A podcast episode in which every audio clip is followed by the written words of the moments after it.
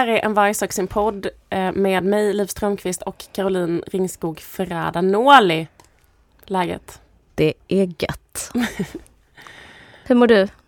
Bra. Ja.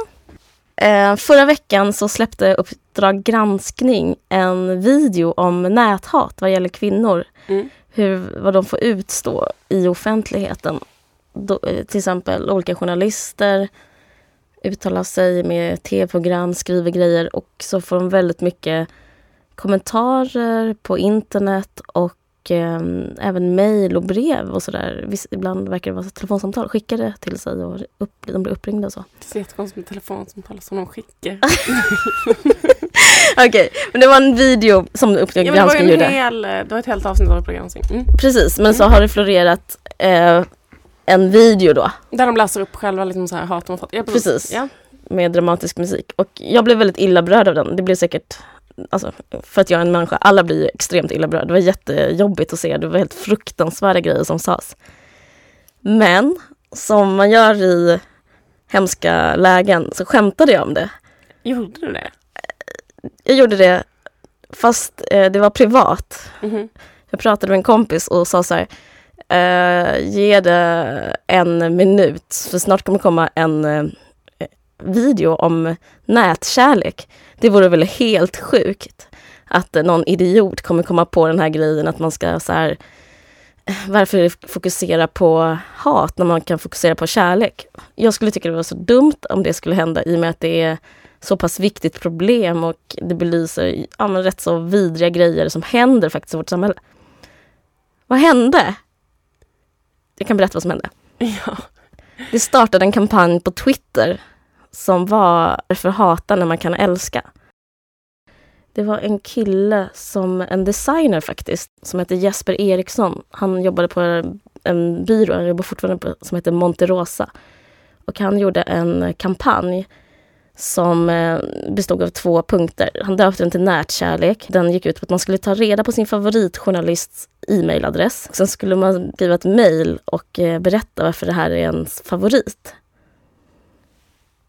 Det låter jättemysigt. Alltså, det kan man ju inte... Det är väldigt negativt av mig att säga att det är fel. Men jag kan tycka att det är problematiskt att ställa det i relation till det här eh, massiva förtryck som håller på. Få hotbrev och hotmail och ja, att bli liksom förtryckt på det viset. För det är väldigt vidriga grejer. Alltså, det, man kan jämföra det till exempel med att bli misshandlad. Alltså ett argument mot misshandel tycker inte jag är att säga så här kan vi inte fokusera på kramar istället? För att eh, problemet kvarstår. Det finns liksom något produktivt i att ta upp att det är vidrigt. Att det inte är fullt av kärlek. Det blev en succé. Flera tusentals inlägg på Twitter. Det bara eskalerade liksom när folk skrev hur mycket de älskade varandra. Och så allting blev liksom en jättestor soppa. Liksom. Det här, den här viktiga frågan som handlar egentligen bara om... Jag behöver inte säga att det handlar om kvinnoförtryck. Det handlar liksom om förtryck. Det drunknade i att man skulle fjäska för olika journalister. Och det blev så himla dåligt för att journalister i sig kan inte hålla huvudet kallt i sådana här frågor. För varför blir man journalist? Alltså jag, vissa vill ju vara samhällsförbättrare och vissa vill eh, ah, jag vet inte, liksom säga sin analys och stå i samhällets tjänst och så vidare. Men det finns ju också en viss eh, fåra, det finns någonting inom journalister och liksom i själva kulturen, liksom journalistkulturen som är att ha ett jättestort behov, en jättestor tunna, att man nästan är ett enda stort kärl som består av bekräftelsetörst. Fast det är väldigt många kvinnor som är emot eh, och skriver artiklar om hur eh, kvinnor förtrycks eller hur människor förtrycks, så blev det liksom, det bara slog slint. Ingen kunde stå emot den här grejen att någon ska säga något gulligt till en. Så det blev så jättekonstig stämning. De som till och med hade varit med i den här nätvideon, de, de, de bara lapa i sig. Det blev en massa hjärtan på Twitter, hjärtan på internet, olika debatter som handlar om hur underbart det var att få kärlek. Och det är det ju, men det är, det är så viktigt att fokusera på hat när det handlar om hat. Så jag kan göra en snabb jämförelse med eh, klassamhället. Mm. Det finns ju liksom röster som säger så här, men klasshat är så dåligt och det är så tråkigt. Men, men poängen med klasshat är att man vill belysa att det finns eh, skillnader och förtryck. Ja. Att, Alltså du tycker det hade varit bättre att vara liksom mer så här aggressiv tillbaka på något sätt? Ja, vilket Ja. Den, här, den här videon är rätt så aggressiv. Eh, den har fått kritik för att den, är, att den hatar män, för det är tydligen det är många män som skickar hotmejl och sådär. och då, och Och då att, känner de sig hatade? att det är väldigt en neg, alltså den har fått kritik för att den är negativ. Och det är mycket mer positivt att man liksom bara skiter i allt som är negativt och pratar om kärlek. Och eh, jag, vet, jag, tycker, jag tycker inte det är positivt att prata om kärlek i den här frågan. Jag, skulle, jag gillar idén, men man kanske kan göra det typ om man pratar om glass. Eller typ, vem älskar lakrits eller vem är mot lakrits? Då tycker jag att vi kan ha, då har vi en debatt. Men inte om det handlar om eh, en jättestor struktur som är att kvinnor mår som as på grund av att det finns hat. Ja. Jag, jag, kan hålla med om att det var ganska så dålig, eller på något sätt en ganska dålig analys där med näthat för att väldigt mycket av näthat kommer från så här organiserade högerextremister. Och det tycker jag liksom kom fram lite dåligt. För ofta är det så här kampanjer av så här organiserade högerextremister.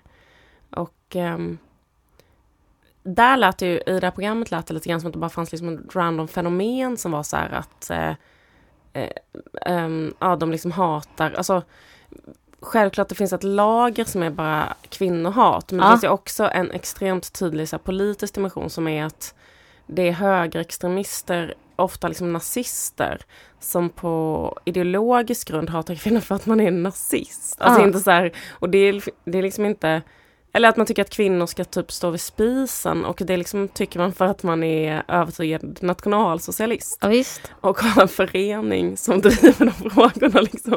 Ja, och då kan, ska- jag, då kan jag liksom känna så här, men då kanske det finns en poäng att eh, säga det offentliggöra istället. den Ja. grejen precis. Och sen tyckte jag att det kändes som att man blandade kanske ihop Fast skitsamma för att eh, jag tycker ändå att det var bra att de gjorde det för att det är verkligen så att ehm, Med nätkärlek? Nej, nej, ja, jag vet inte riktigt men men eh, det där med att man uppmärksammar att det riktas liksom bara mot kvinnor så här. Sen var det ju mer så här klockrena psykon. Men just den där grejen med att det, för att jag hörde ju en väldigt så här, vissa så här har gjort så här extremt dåliga analyser av det här med näthat. Eh, att man menar att det är liksom eh, ett glapp mellan befolkningen och eliten och att detta på något vis är folkets röst och så. Mm. Ehm, och att eliten, alltså att folket hatar feminism till exempel och Mm. därför så att eliten förespråkar det och därför så får de hat och så. Men jag tror väldigt my- mycket av de här, äh, eller att folket hatar invandrare till exempel. Mm. Ehm, men jag tror det är väldigt mycket att, um, ja men att det är väl så att, att um, ja men hela den här uh, högerextrema vågen som finns i hela Europa, Mm. bla bla, det här är ett uttryck för den. Mm. Och det har att göra med liksom den här counter jihad-grejen, har att göra med Breivik. Det, har göra, alltså liksom det är en sån organiserad rörelse som sysslar med detta också.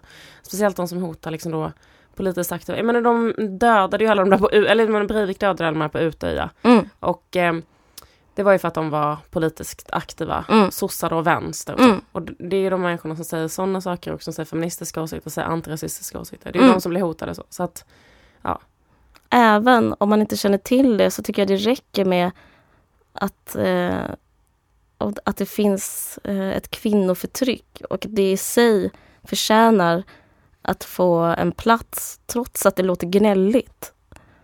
Man vill inte höra någon som whinar liksom. Man vill hellre höra någon som säger något positivt.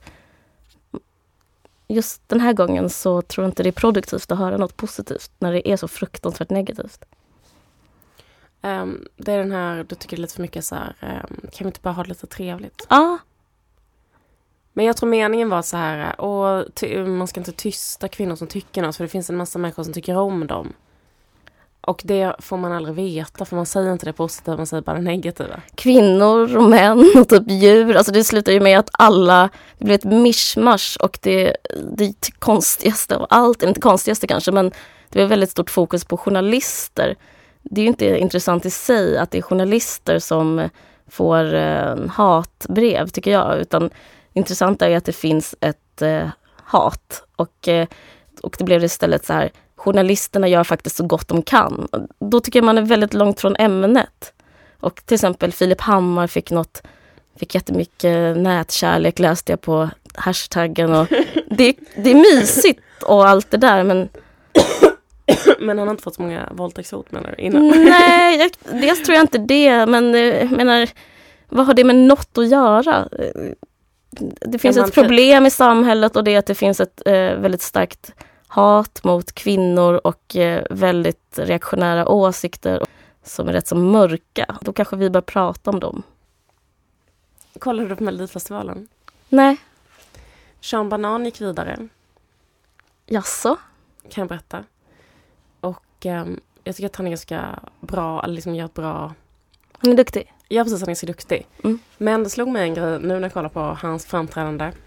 Att um, eh, alltså Melodifestivalen, eller tv överhuvudtaget, spelas extremt mycket på känslor. Att man så vill väcka, man vill beröra typ på olika sätt. Olika Absolut. mer eller mindre manipulativa sätt. Men allting handlar verkligen om att väcka någon känsla. Och den känslan som Sean Banan spelar på, det är den här, så här gränslös entusiasm typ. Mm, Att vara lycklig mm, kan man säga. Så att han liksom, och eh, texten i hans, eh, eller refrängen var så här, eh, mer konfetti och mera dans, det blir en svettig gul allians. Um, alltså han liksom förespråkar någon slags samhälle där det är mer, mer konfetti, mer dans, mer glädje liksom. mm. Ehm, men så var så intressant för när jag kollade på det här ehm, så kollade jag liksom på hans eget ansikte och då um, verkar han liksom inte glad själv. Känner du dig lurad? Eh, nej men jag, jag, jag, jag, jag kände att det, att det liksom det han vill sälja är den här äkta glädjen fast han ehm, han verkar liksom inte vara glad. Men nu när du inte har sett det så kan inte du ge en... Jag, jag såg honom förra året. Ja, och då tyckte jag han verkar må bättre. Jag måste säga att jag tyckte väldigt mycket om hans nummer förra året. Hans nummer förut var jättebra. Men upplevde du att han själv liksom är så här, den här extremt sprudlande, superglada? För jag känner så här, att han kände sig nedstämd nästan. Mitt i det där numret så kände jag att han utstrålade att han inte mådde bra. Jag fattar. Hur som helst, men folk eh, köpte ju det i alla fall. Att han var glad, eller blev glada av honom ändå. Så han kunde Av- alltså leverera ändå Han, liksom. ja, exakt. Så att han blev röstad vidare till final. Mm, okej. Men jag bara funderar på det allmänt det här med så här känslor i tv, eller med att vilja beröra via tv. För annars så är den absolut mest så här, eh, framgångsrika känslan att spela på, i, speciellt i Melodifestivalen, det är den här grejen att man är eh, ledsen, att man blivit lämnad. Alltså, eller på något sätt leverera känslan, en äkta sorg Okej. är superstort. Um, exempel, alltså när det är lite mer äkta, fattar du vad jag menar? Så blir det jättestort. Och det är liksom, så är det jättemycket i det här samhället. Alltså i Sverige överhuvudtaget tycker jag alltid att det är så.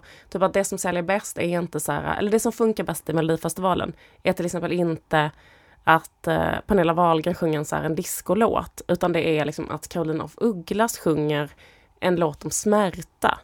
Var det därför Torsten Flink gick vidare? Ja, det tror jag. Torsten Flink, eh, Carolina af Ugglas, Sara Varje var ju så förra året, hon sjöng om kvinnomisshandel. Folk sitter hemma vid soffan och liksom blir berörda, det går så rakt, i, rakt in i hjärtat, liksom på svennar. Och svenska folket. Även Sanna Nilsens Empty Room gick så Mm. svinbra. Det är en bra låt också. Ja, det är en bra låt, men det är också för att den handlar om ett ämne som, som berör känslomässigt. Mm. Eh, och det är liksom en del av det här, eh, vi, vill se, vi vill se er sorg, Mm. eller vi vill se er smärta. Mm. Vi vill att ni ska dela med er av, liksom gärna på riktigt, ert livs största trauma. Det är liksom en grej som, och, det, och den trenden, eller trenden ska jag säga, liksom bekänn, att bekänna sitt livs största smärta offentligt. Ehm, eller liksom i, i tv, att beröra på det sättet. Det känns ju som att det har varit, en, en grej liksom hur länge som helst. Men, men det känns ibland som att det blir mer och mer desperat. Och man kan undra liksom så hur det ska, för jag tänker det finns så himla många tv-program som spelar på det. Mm. Just att, menar, sommarpratet är ett exempel. Mm. Ehm, alla de här stjärnorna på slottet och ehm, Så mycket bättre Mm. och så här, då ska man så här, på ett regisserat sätt eh, liksom att kändisar så här förväntar sig, dela med sig av, alltså även om man är i underhållningsbranschen, man kanske är komiker, man kanske är skådis, man kanske Mm. är ståuppare. Men när man är med i rutan, Mm. då ska man berätta om så här, när ens eh, pappa dog. Mm. Ehm, och det är något märkligt med det och det känns som att den har blivit, det har bara blivit mer och mer och mer Verkligen, så. jag håller verkligen med dig. Det finns liksom en, men det kan jag man kan se i eh, andra kulturyttringar också, typ i spelfilm och speciellt faktiskt spelfilm, att det finns en eh, trend eh, mot att saker och ting ska bli mer dokumentära. Och även i, alltså, i sitcoms och allting. Verkligen i litteraturen, det är verkligen så. Ja, det, liksom, eh, det finns en biografisk, ett biografiskt krav nästan för att det ska slå an. Eh, Kollar du på Stjärnorna på slottet i år? Eh, nej, men jag, det är ett favoritprogram. Jag, tycker, jag brukar kolla på det andra år. Men då känns det verkligen så här, just att de är så pass vana också vid att eller att det är så himla regisserat. För det, man, Mm. kan tycka, alltså, det man kan tycka den här trenden så här pressas mer och mer. Det blir Mm. liksom att gamla eh, eh, människor inom underhållningsbranschen, de är som sådana gamla cirkushästar som liksom går upp så här scen efter scen och berättar om då så här, Mm. eh, Claes Malmö berättar om sitt kokainmissbruk och det är liksom, då är det 20 gången man hör det ju. Och Verkligen. Lill-Babs berättar om det här när hennes, eh, alla hennes gamla pojkvänner blev, eh, fick passera revy i ett tv-program. Hon är Ja. jättekränkt. Eller att hon har blivit så här kallad en någon som har för många män typ. Och hon har varit ledsen för det och så vidare. Och eh, Ranelids läpp har man, den, den, det har jag hört många gånger. ja men precis. Och då kanske också det, och eh, reagerade också över det i ehm, Så mycket bättre, det här eh, tv-programmet då. Att man vill att man känner som man ska gråta. Man vill att de ska så här, eh, öppna upp och bryta samman. Mm. Sen ska alla böla och sen ska det, så blir det typ som en katarsis för tv-tittaren. Mm. Man ska liksom via eh, Magnus Uggla eh, förlösa någonting eh, hos sig själv. Och, eh, men också att det blir liksom en konkurrens. Alltså det, alltså det blir liksom ett problem så för, för offentliga personer som har varit, för jag kommer ihåg att det fanns en kritik till exempel mot Johan Rabaeus, han berättade att han hade ett litet syskon som dog när han var liten. Och då var det en tv-recensent som skrev förra året, den, den, det där har vi redan hört liksom, i, som, i hans sommarprat. Mm. Och då var det så här, dra inte den om det är döda syskonet en gång till, för den har vi hört. Liksom. Eh, och det blir liksom något, eh, för det är något cyniskt i det här också liksom. Mm. Att man, eh, det är cashen väldigt mycket man tänker på. Alltså man vill ha den här, man vill ha det liksom regisserade, berörda, men jag tycker faktiskt att det blir ett problem för de tv-programmen. Ehm, att man känner sig så man kan känna sig så ganska manipulerad som tittare för att man märker så här vilka eh, trådar de håller på och rycker i hela tiden. Ah, shit, vad jobbigt. Jobbigt att se det. Ja. Eh, Sean Banan, Mm. låg det honom i fatet att han inte spelade på Sorg? Jag upplever liksom att han... ehm,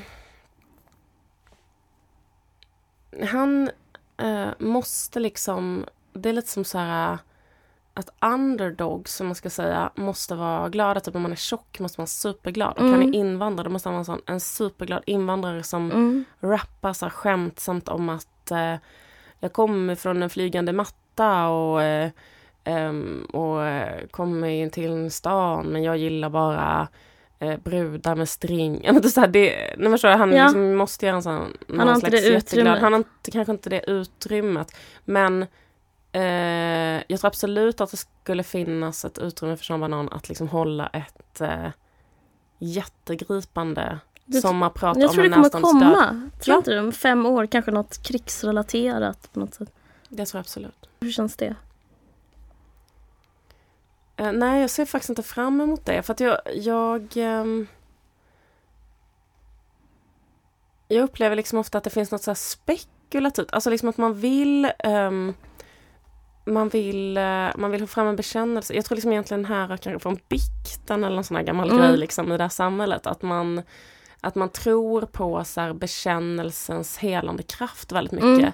Och att man då sitter och tar fram då något man upplever vara så här, kanske en autentisk sanning om en persons liv och sen kan man tillsammans gråta över det och sen kan man liksom gå vidare och då tror man att man kanske har blivit stärkt och mår bättre och så. Mm. Men jag ehm, tror inte alls att det behöver vara så och det Nej. där med liksom vad som är sant till exempel i en människas liv eller hur man kan berätta om alltså att, eh, att en människas liv ofta är så fruktansvärt liksom komplicerat och eh, minnen överhuvudtaget. Alltså liksom att så här, det kan kanske nästan vara att göra eller jag tänker att om man, om man måste konstruera ett minne som en bra historia då blir det som ett, över, det kan bli ett övergrepp på det minnet nästan. Förstår du vad jag menar? Typ så här, jag måste göra något tv-mässigt av den här eh, förlusten av min förälder typ. Mm. Då kanske inte det passar in någonting som annat som hände. Typ att, eh, ja men förstår du vad jag menar? Ja, liksom visst. man, det, um, och överhuvudtaget det här autenticitetskravet, för autenticitet är så jävla jag vet inte om det överhuvudtaget finns. Ja, jag vet inte. Nej. Det, det, det Men jag tycker det är intressant att folk vill ha det. Alltså, Mm. va- varför vill folk ha det? Jag tänker att det kanske har att göra med att ehm, saker och ting har blivit så effektiviserat och polariserat. Men framförallt effektiviserat att var sak på sin plats känns det som. Att tv och underhållning, det har inte med arbete att göra. Och där får det plats att vara lite random och därför får det plats att vara lite känslomässig. Men samtidigt så får man inte vara så överhuvudtaget i, eh, i några andra sammanhang i livet. Liksom, man skulle bli eh, väldigt... Alltså, på fikarasten skulle det bli gränslöst om man kanske satt och grät eller pratade om en eh, sjukdom eller ett dödsfall man varit med om. Eh, om det hade fått vara lite mer integrerat annars kanske man kunde chilla lite med att ha det på TV. Jag vet inte. Jag vet inte heller.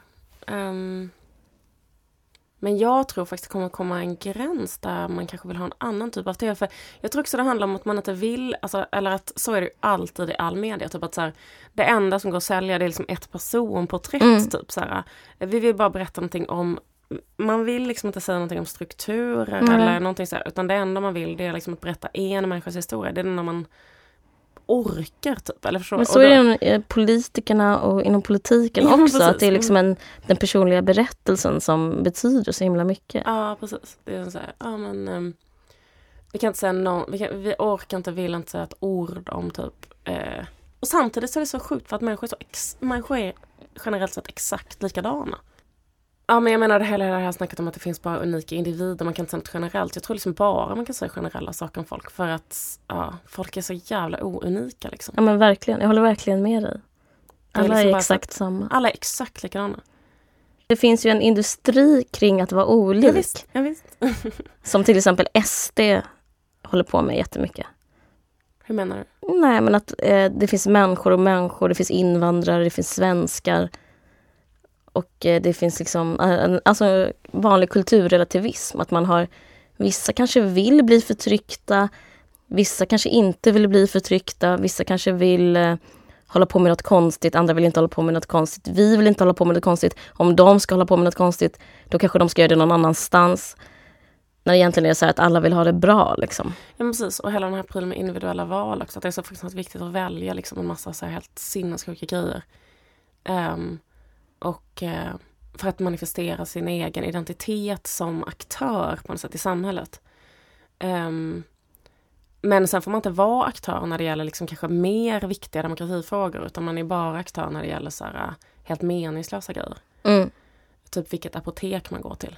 precis. Man är inte aktör när det gäller så här, eh, alltså, att få kanske större inflytande på sin arbetsplats eller något sånt där. Ja, ja, nu kommer vi från ämnet. Sean Banan. Jag önskar honom lycka till. Jag hejar faktiskt på honom eh, och på eh, Anton Ewald.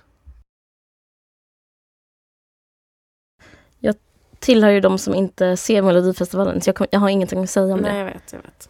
Ja, vi ska, vad ska vi ta då? Jo, det påminner lite om det här som du var inne på om eh, det biografiska berättandet. För eh, det finns ju fler medier än TV.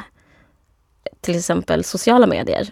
Eh, som Twitter som vi var inne på innan vad gäller nätkärlek. Men en sak som blivit otroligt stor är ju Instagram. Intressant. Kanske ska börja följa. Har du Instagram? Nej, absolut inte. Jag har aldrig liksom... Eh, Varför har inte du det?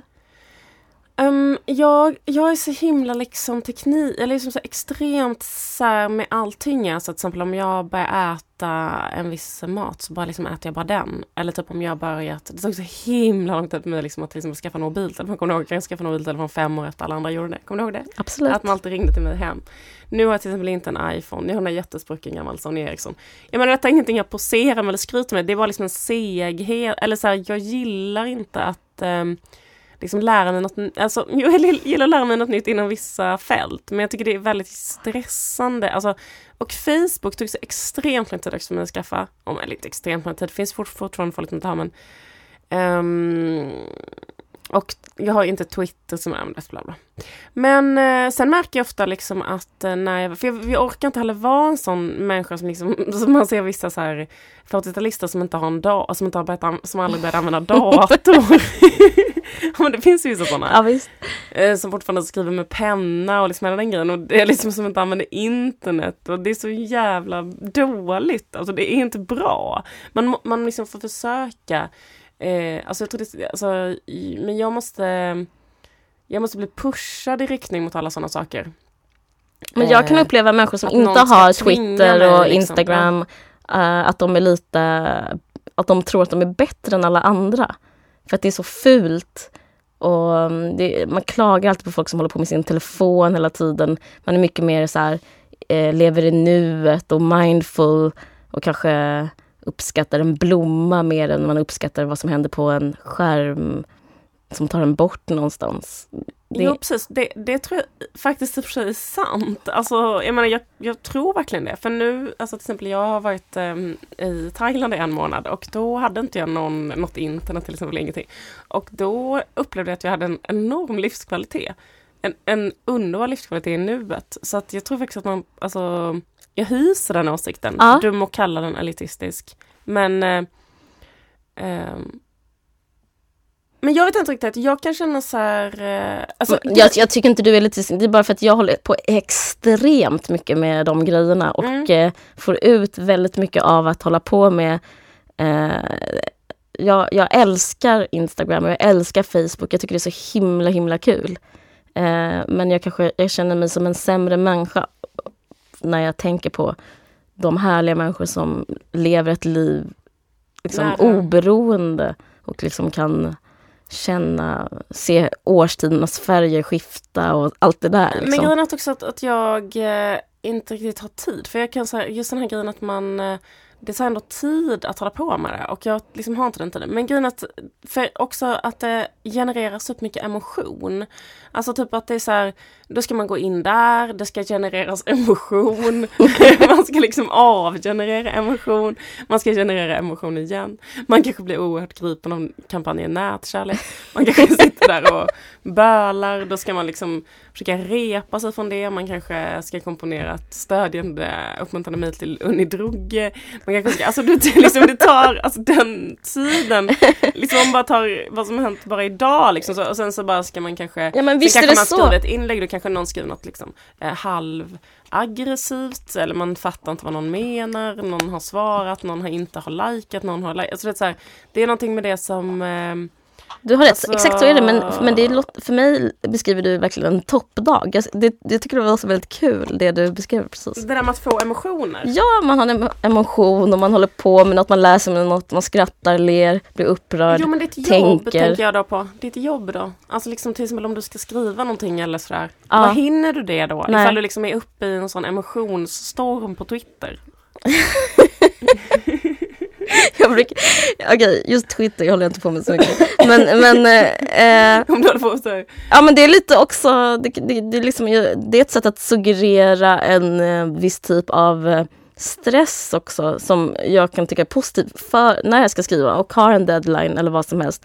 Så håller man på med de här sociala medierna och sen så liksom eh, eh, arbetar man mot klockan och liksom det, det är ett sätt att stressa på. Eh, en sån här enorm eh, bara liksom oändlig rymd av tid som skulle finnas om jag inte gjorde det.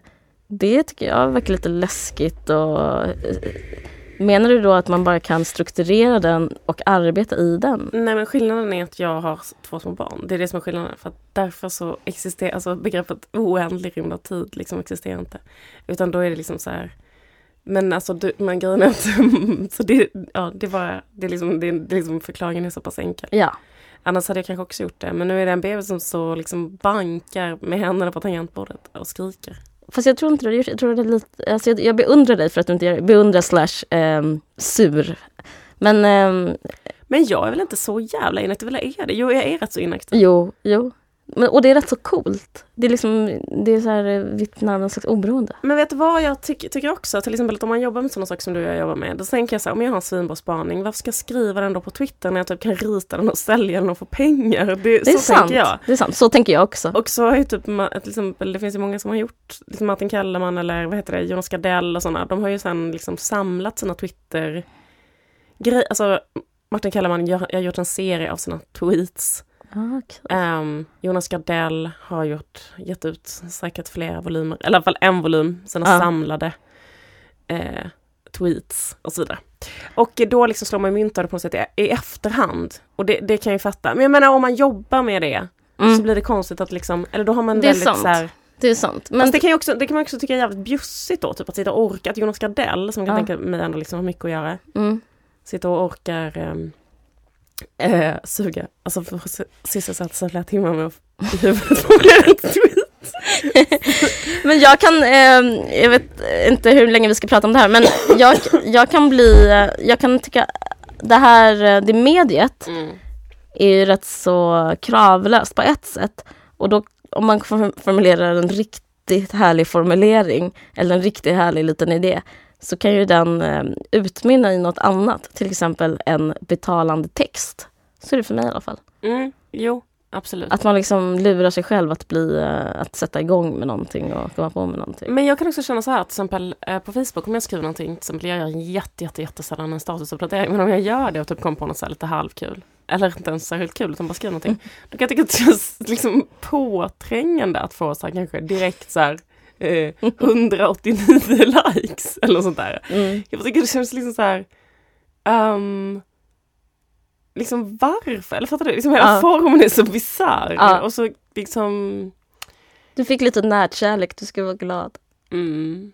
Det om det kanske? Det är det om detta. Mm. Du har lyssnat på En varg söker sin podd som är ett uh, samarbete med Expressen Kultur och uh, man kan uh, lyssna också på iTunes. Och musiken gjordes av Vit päls.